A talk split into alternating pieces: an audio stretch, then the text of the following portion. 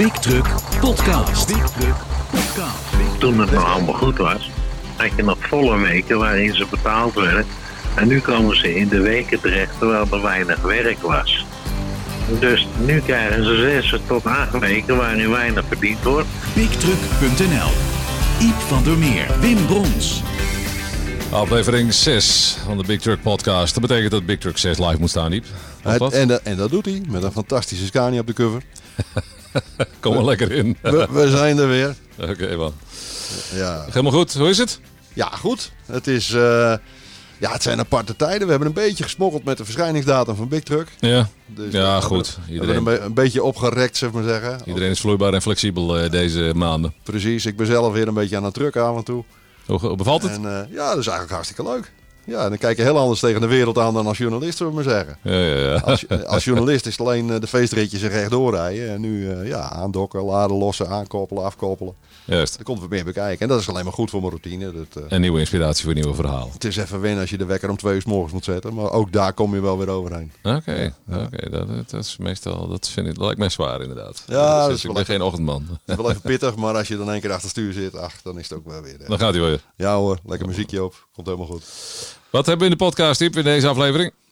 Ja, we hebben een aantal interessante dingen. We nemen, we nemen even de stand van zaken door met, eh, met Tim de Jong over een aantal zaken. Eh, we praten Nieuwe, met, over de eh, inhoud van de nieuwe Big precies, Truck. precies over de inhoud en ook wat, wat zo. breder dan de inhoud. Dat zou Tim blijven aan de telefoon, hè?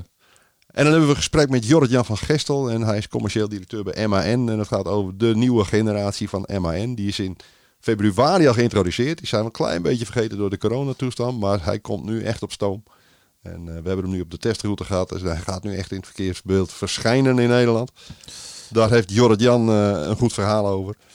En, dan, spreken- en dan spreken we met Klaas de Waard van de VERN, de Juist. brancheorganisatie voor de kleine ondernemers en de eigen rijders in het wegtransport. Ja, die, Ja, die heeft ook heel wat over zich druk over te maken in deze coronatijden natuurlijk. Hè? Om zijn eh, achterban bij te staan met raad en daad. En, We gaan het horen zo. Ja, en dan eh, ja, in Big Truck verder nog, eh, ja, zoals ik al zei, de coverplaat. Een hele dikke Scania van Truck Junkie. Dat is een eh, promotie-show-auto. We hebben een exclusief verhaal mee met uiteraard een filmpje. Ook een showtruck. De André Hazes truck van Toon Meesters. Een hele dikke auto. Stond ook op de Big Truck Trophy. Hoop ik dat hij daar in begin oktober ook weer staat. Als dat allemaal doorgaat. Een prachtig zwaar transportverhaal met een, een hele dikke Scania R650 XT 5-assige trekker. Auto van Fuller. Eh, ja, gewoon, eh, gewoon dikke spullen. En eh, ook leuk, ik heb een rit gemaakt met een Volvo op LNG van Jos Verberg. Met zo'n tanktrailer erachter en dan een ritje met LNG rijden. En, vooral de mening van de chauffeur over het rijden met het LNG. Dat is natuurlijk, ja, is, Interessant, leuk. Het is stiller, maar het is wat gecompliceerder met tanken. En Ja. ja. de chauffeur had daar een goed verhaal over. En, Alle ins en outs in de nieuwe Big Truck Magazine. We zoomen nog wat verder in op de inhoud. Of had je nog eentje? precies. Nee, want anders pakken we weer Tim de Jong er even bij nou. Ja. Tim, Tim, hoe is het? Ah, jongens.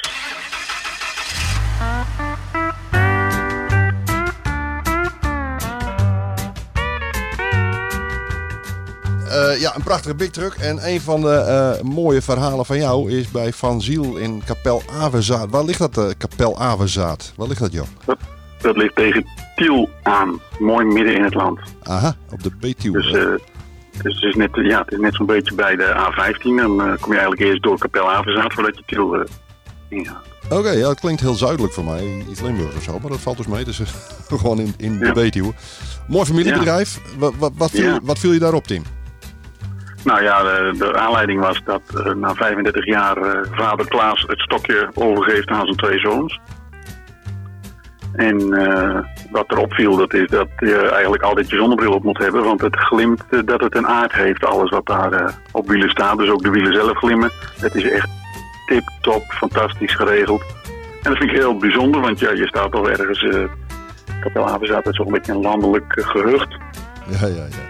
En dan kom je de- door het hek en dan zit je dan alle kwaliteitseisen die je kunt verzinnen, daar wordt aan voldaan. Alle, alle awards aan de muur daarover en eh, ja, alles keurig. Mooie vloot DAS geloof ik, hè, als ik het zo... eh, Voornamelijk, ze hebben er ook Volvo en Scania. Oké. Ja, leuke reportage, mooie foto's. Ja, dat, eh, dat, iedereen hard voor het. ja, eigenlijk met ziel en zaligheid.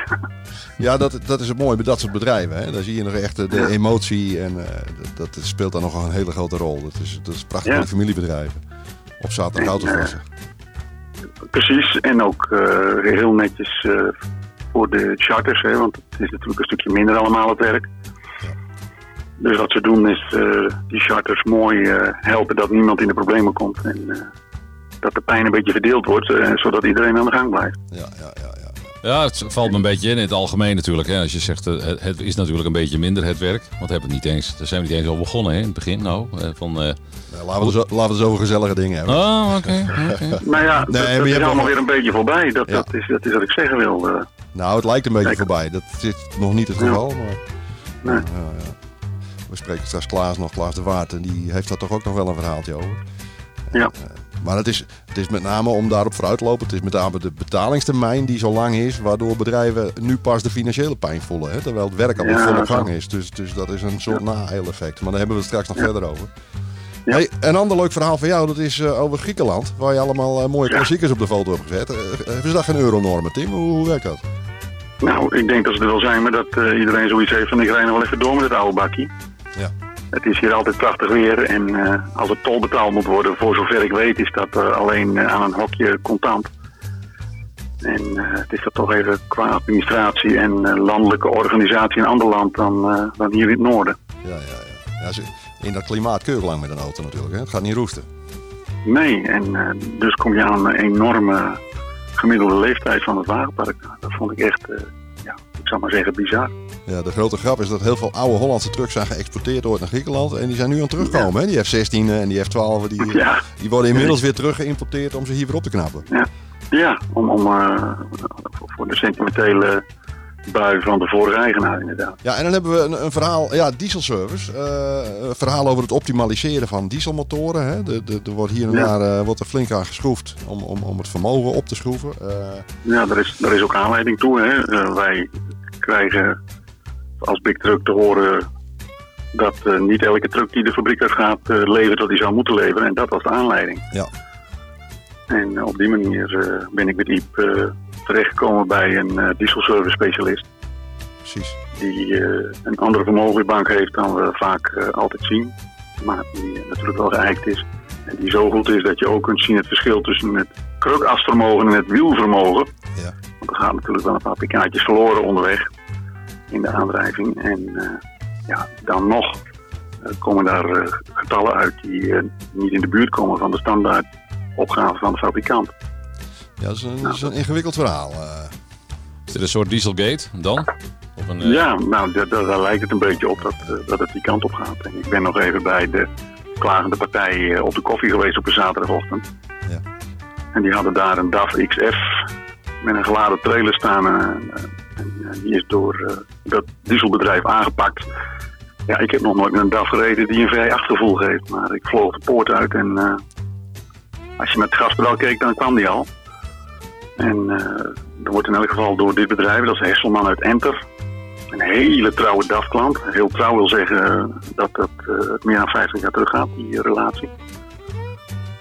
Ehm, en ja, die auto die had een turbodruk van 2,3 en dat is denk ik wel een stukje hoger dan wat DAF opgeeft. Maar ja, dat, alle, alle getallen kloppen, dus de verbruikers zijn mooi. Ja.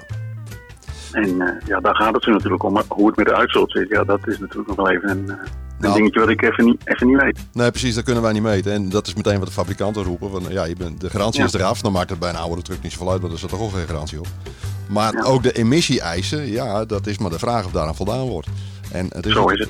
Die moderne motoren zijn natuurlijk meer op emissie ingeregeld dan op vermogen.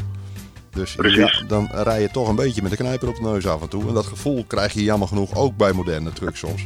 Ja.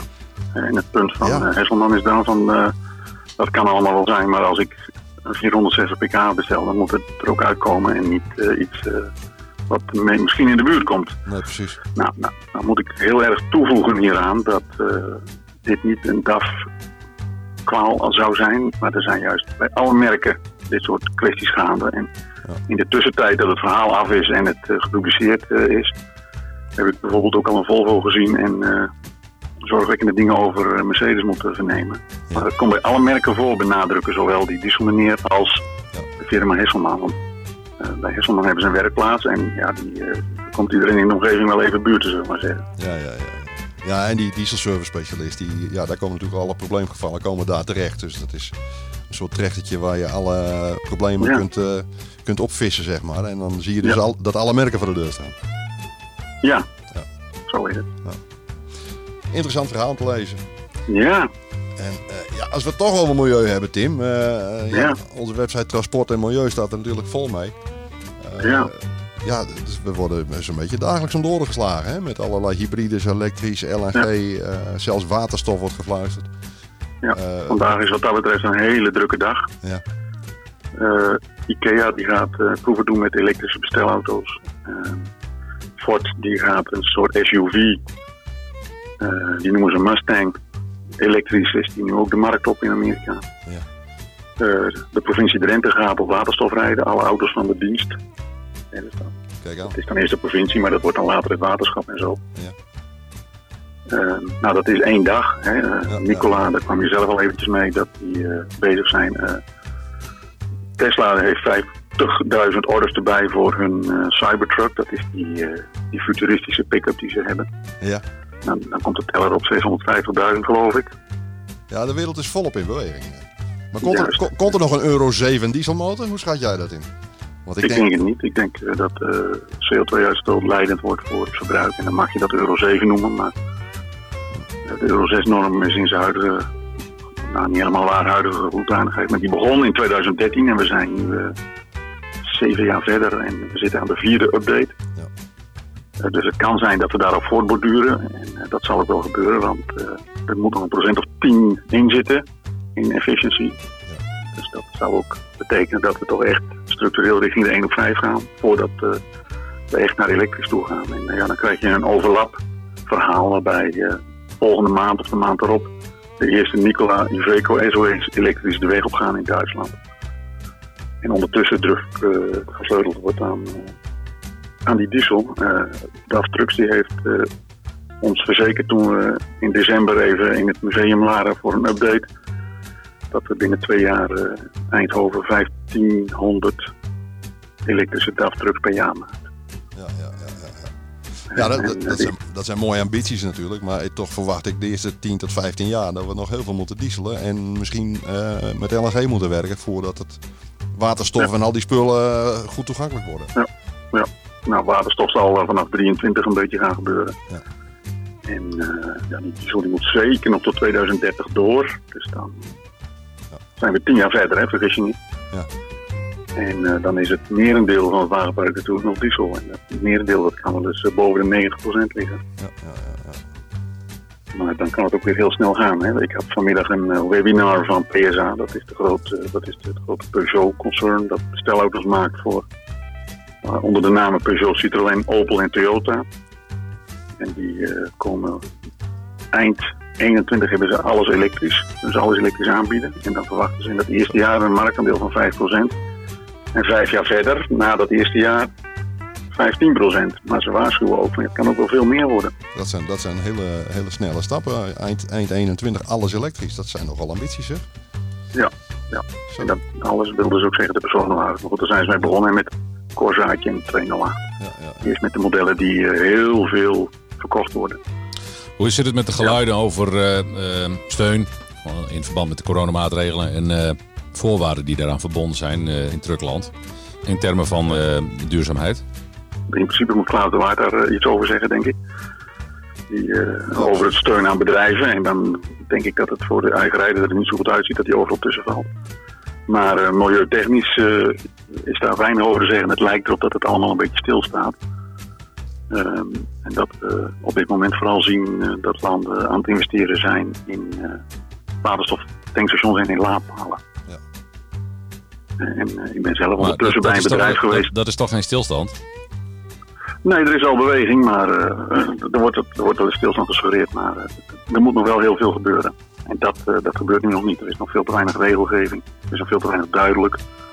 Ik ben alleen wel hoopvol, omdat ik vorige week bij een bedrijf was die in de Westpoort van Amsterdam zitten. En die hun laadpalen bij het dok hebben. Ja, oké. Nou, ja, dat, eh, dat, dat is eh, even een inzichtje, want eh, we zijn allemaal met grote fanfare geconfronteerd door Albert Heijn en DAF met die elektrische trucks in Zaandam. En daar staan de laadstations nog niet bij je dok. Ja, dan moet je toch anders gaan plannen en dat is niet makkelijk. In Je de moet, het, je, moet het logistiek, je moet het logistiek wel inplannen natuurlijk. Hè? Want die auto gaat, Nou ja. gaat niet even ergens anderhalf uur aan een paal hangen. Maar als je toch staat te laden, dan kan dat inderdaad. Ja, dan kun je die drie kwartier ook meteen pakken. Ja. Ik moet over zeggen over, over investeringen. eh, de Duitse overheid die heeft dus wel de visie dat ze ook de komende twee jaar nog de moutvrijstelling voor LNG, eh, voor gasauto's eh, hebben doorgevoerd. Dat is één ding. Dat En, besluit is onlangs genomen. Dat is toch een prachtige stimulans. Je ziet nu ook Nederlandse vervoerders die veel in Duitsland rijden, die kopen toch LNG-trucks. En dat is Ja, dan in eerste plaats omdat het financieel gewin geeft. Maar dat is, het zijn hele mooie stappen richting een duurzamere toekomst natuurlijk. Nou, de mooie stap naar een duurzame toekomst is er komt zo'n bio-LNG daarbij. Ja. En eh, daarvan hebben we nu ook net afgelopen weken de eerste, het eerste bericht dat dat gaat komen.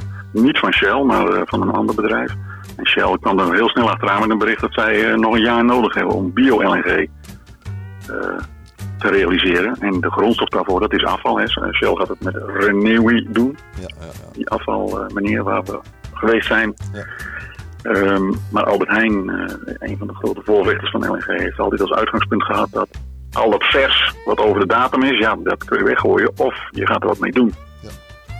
Nou, en daar is bio-LNG een prachtmogelijkheid voor. Ik heb ook eh, op een documentaire gezien Amerikaanse varkensboeren die eh, het surplus aan mest en het gas dat daaruit komt eh, winnen voor gebruik in, eh, in ja, voertuigen, in motoren. En dat kunnen ook vrachtwagens zijn. Ja, maar er wordt al heel erg aan getroffen, hè? aan getrokken aan die stoffen. Want je hebt nu ook al heel veel biovergisters die allemaal gebruikt worden weer voor Ja. verwarming van kassencomplexen en dat soort dingen. Dus Ja, je krijgt straks een, een oorlog om de, om de, om de leftover foods. Ik wou net zeggen, daar kunnen we de hele wereld niet van eh, laten draaien, lijkt me. hè? Nee, dat spul dat is het beperkt natuurlijk. Hè? Zeker. Ja. En dat moet ook, maar dan, dan gaat het in elk geval niet, eh, niet, niet weg. Kijk, Nee, dat Renewi zegt, er gaat heel veel naar de verbrandingsoven. En die stroom die willen ze zoveel mogelijk beperken, dat die verbrandingsoven steeds minder te doen krijgt. mooie ontwikkelingen, Tim. Ja, echt mooi. Echt, elke dag eh, is het weer een verrassing. Wat gaat er nu weer gebeuren? Ja, ja, ja. Nou, we, we houden het in de gaten. We zitten er bovenop. En, Ja. dan spreken we jou hopelijk bij de verschijning van het volgende nummer, Tim. Zo is maar net. Gaan we doen. Hé, hey, dankjewel. Jo, jo. Goed, Hoi, hoi. dank je. Jo, dag. Hoi.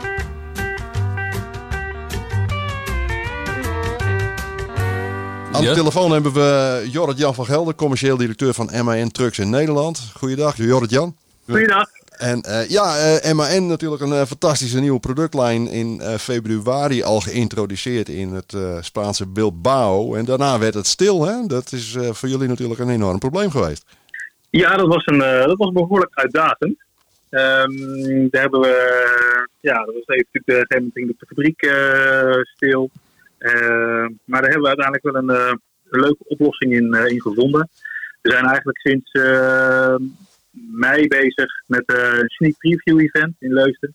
En daar nodigen we klanten uit.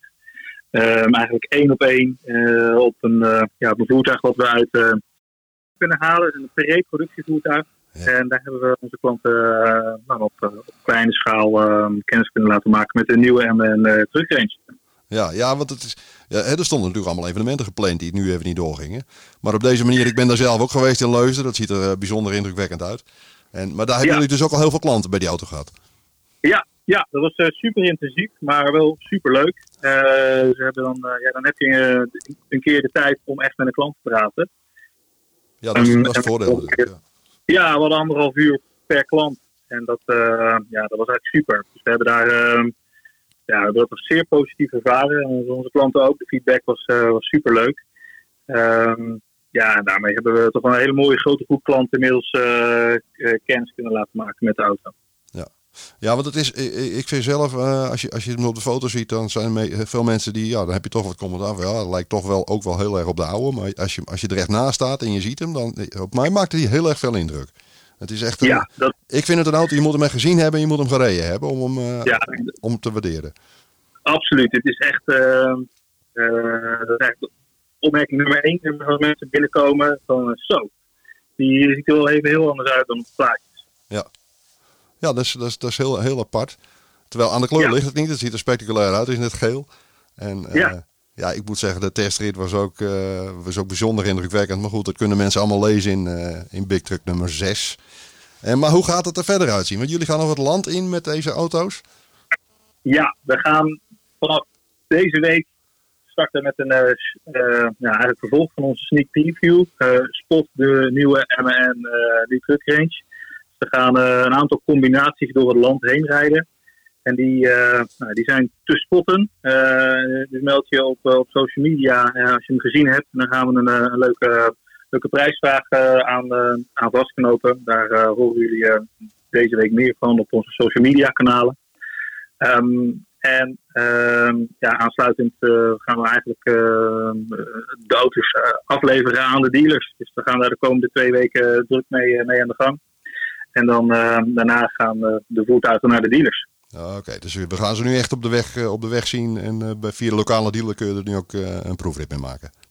Ja, exact. Binnen zeer korte tijd. Precies, ja. Bij week of twee dan, dan gaat het langzaam gebeuren, ja. Oké.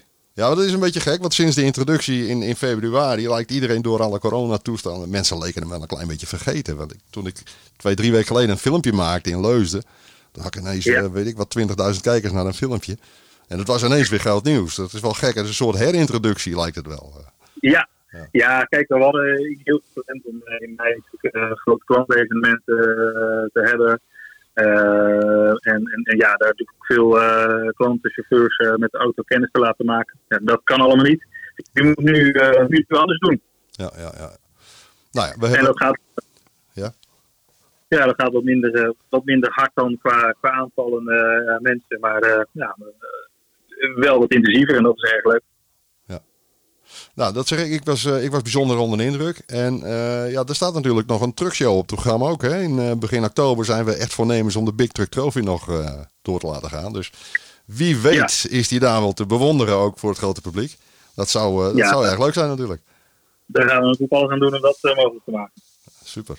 Ik wil je danken voor je medewerking. Oké. Okay. Dankjewel. Dank, Dank voor de medewerking. Hoi.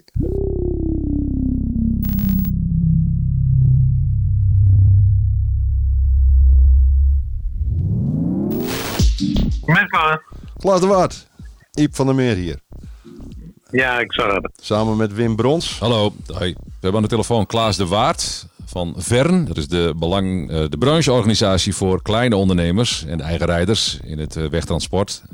We vragen voorzitter Klaas de Waard naar de gevolgen van de coronacrisis voor zijn leden. Wat heeft de Vern kunnen betekenen om de gevolgen te beperken? En is dat genoeg of vallen de bedrijven om? Dat zijn wel heel veel vragen in één keer, Klaas. Op zich gesproken zijn ze dus al vrij eenvoudig te beantwoorden. Kijk, de kleine en middelgrote transportbedrijven waar wij voor staan, zijn over het algemeen de flexibele schil in de transportsector. Als het druk is, dan hebben ze dus voldoende werk. En als het dus minder werk is, zoals nu in de coronaperiode, zijn zij de eerste die zeg maar er afvallen en waar afscheid van genomen wordt. Ja, de vaste vrachtwagens van de grote transportbedrijven, distributeurs enzovoort, ja, die blijven natuurlijk uiteindelijk nog het langste rijden.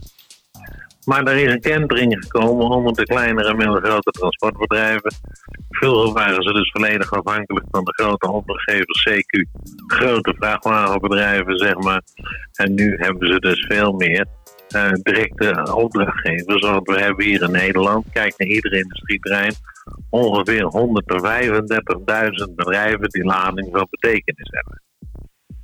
Dat is natuurlijk voor de flexibele schil, zoals we die nu kennen onder de transportbedrijven, is dat natuurlijk behoorlijk voor de toekomst om dus een toekomst te kunnen hebben. Maar op dit moment zitten we even nog met een totaal ander probleem. En dat is dus, hebben, normaal gesproken worden ze tussen de zes en de acht weken worden ze dus betaald. Nou, de coronaperiode duurt momenteel al iets langer. En wat ook het gevolg daarvan is, dat je dus toen het nog allemaal goed was, had je nog volle weken waarin ze betaald werden. En nu komen ze in de weken terecht terwijl er weinig werk was. Ja, ja. En ja, een na-effect. Dus nu krijgen ze zes tot acht weken waarin weinig verdiend wordt. Hebben we dus gedeeltelijk kunnen oplossen dus door de verzoeken aan de leasemaatschappijen. Om dus de lease-termijnen drie maanden zeg maar, te verlengen. Dus niet zeg maar 60 maanden, maar 63 maanden. Oké, die gingen er wel in mee, die lease, die lease maatschappij, die gingen er wel in mee. Ja, verschillende gingen er absoluut in mee. En niet helemaal allemaal, maar uh, over het algemeen is we daarin toch uh, echt wel in meegegaan. Oké. Eh, bij de belastingen hebben we uiteraard ook kunnen realiseren. Maar dat is over het algemeen voor iedereen gegaan. Want dat is normaal gesproken generiek. Dat er dus ook drie maanden uitstel komt van eigen rijden. betekent bijvoorbeeld zolang de eigenaar rijdt. Maar dan kan ik met vijf vrachtwagens zijn en met vier personeelsleden. Ja, dat kleine transportondernemingjes. Ja. Juist. En die hebben we dus ook, eh, net als dat iedere andere dag gekregen heeft, drie maanden uitstel gekregen voor zeg maar dat ze dus de loonheffing kunnen betalen enzovoort. We hebben ook gevraagd om drie maanden uitstel ten aanzien van de motorrijtuigenbelasting. Maar dat is nog in onderhandeling. Wat wel heel erg teleurstellend was, en ook EVO en TLN hebben ons daar volledig in gesteund. Dat wij dus niet mee konden doen, zeg maar, met die 4000 euro voor de ZZP'ers. Want we hebben in Nederland ongeveer 5500 ZZP'ers, oftewel eigen rijders rijden. En tot vijf vrachtwagens, als je het dan nog steeds eigen rijder mag noemen, hebben we zelfs 8500 bedrijven. Mhm. Maar eh, die En- mochten niet meedoen omdat ze dat niet onder de code viel, de juiste code? Juist, en de code was 4941. En toen zei Economische Zaken, die zei van ja, dan hadden jullie dus maar, en dat was Mona Keizer, die momenteel wel eh, zo in de publiciteit is. Ja. Die zei letterlijk en figuurlijk hadden jullie maar een buffer moeten opbouwen. Ja, ja, ja. Nu is Ja, het die, die, natuurlijk. kwam, die, kwam, die kwam niet helemaal lekker binnen, geloof ik, hè, bij de sector. Nee, we waren er behoorlijk eh, boos over. Want hoe kun je dus, als je dus al sinds 2006 tegen het Oost-Europese geweld aan het knokken bent. Ja. En je bent er nog steeds, wat op zich een hele prestatie is. En je krijgt dan te horen dat je maar een buffer moet opbouwen. Toen heb ik dus heel duidelijk gesteld. En dat was niet erg beleefd. Ze heeft er de ballen geen verstand van. Nee. Sorry dat ik het zo omschrijf, maar het is gewoon zo. ja, de KLM heeft ook geen buffer, hè? Nee, maar als ik ook naar de kunstsector kijk, waar dadelijk, en het begint de eerste tekenen zijn ervan, dat we dus echt dadelijk alle vrachtwagens nodig hebben, oftewel ieder wiel dat loopt en rijdt, eh, om dus eh, de economie, weer op te bouwen.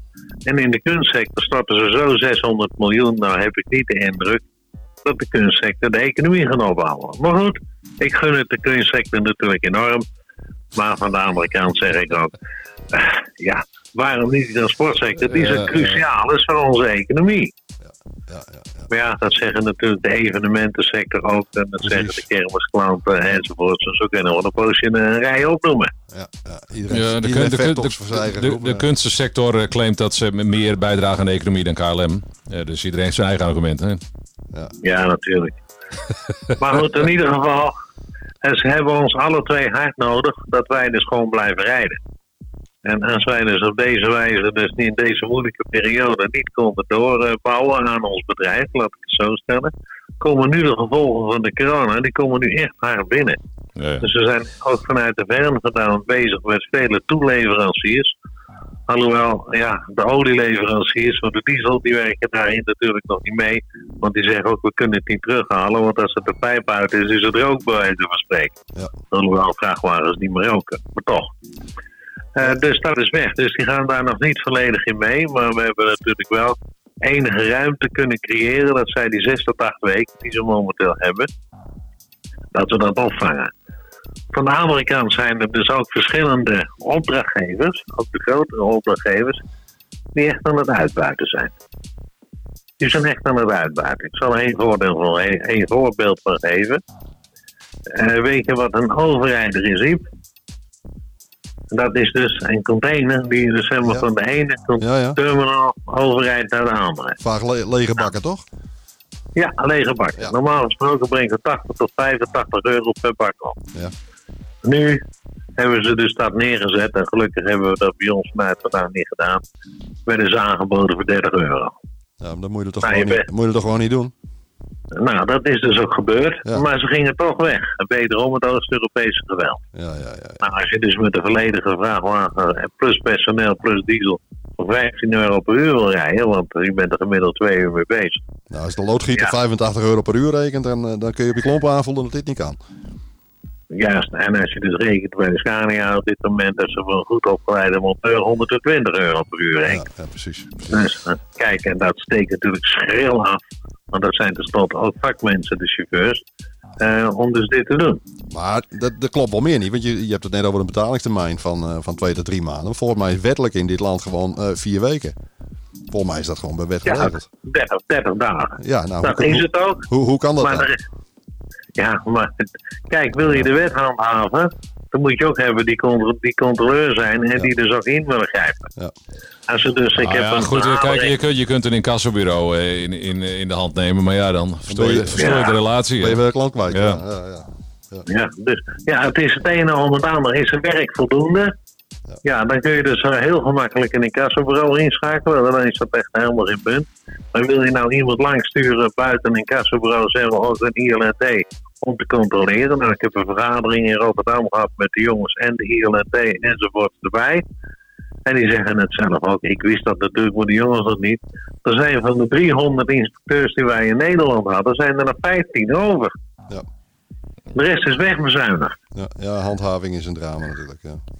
Ja, eens kijk. En als je dus die handhaving ook weer terug gaat relecteren naar zeg maar, de opdrachtgevers en natuurlijk de controle die erop is voor cabotage enzovoort.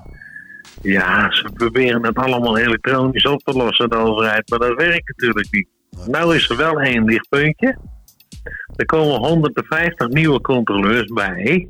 Want men heeft nu ook wel ingezien dat het zo onmogelijk gaat. Maar die zijn niet alleen nog voor de.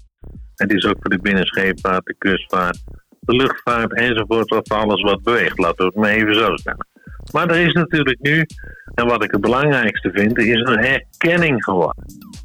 Dat het dus op deze wijze niet kan. Nou, daar zijn ze dus helemaal achter. Ja. Wat Zeg, even, even een Ja. vraag nog. Je zei in het begin, eh, eh, wij zijn als, als kleinere eh, transportondernemers Ja. als, als, als eerste bij economische fluctuaties de, de, de bok, om het maar even zo te zeggen. Eh, Ja, de flexibele schil. Ja, uiteraard. Ja, precies. Maar eh, dat, eh, dat, is, dat effect, hè, we hebben het over het na-effect met, met de betaling. Hè. Zes tot acht weken wordt er na, pas na zes tot acht weken wordt pas betaald. Ja. Dus de pijn wordt nu pas gevoeld. Maar is, zijn alle hands inmiddels weer aan dek? Rijdt iedereen weer, zo'n beetje? Nou, we hebben dat dus even onderzocht. Hè, want als je dus naar de cijfers gaat kijken van het ministerie, waar ik elke week overleg mee heb, zaten we dus al op een 95% van het aantal vrachtwagenbewegingen op de weg. Oké, En internationaal gezien over de grens was het dus 8%. Dankjewel hè. super bedankt Klaas. Oké, en jullie het hebben een hele plezieravond, hè? Oké, dankjewel. Uh, dag. Dag. Hoi. Meteen maar een punt, eh, Iep, hè? Achter deze podcast. Nou, hier, is- hier is weinig aan toe te voegen, denk ik.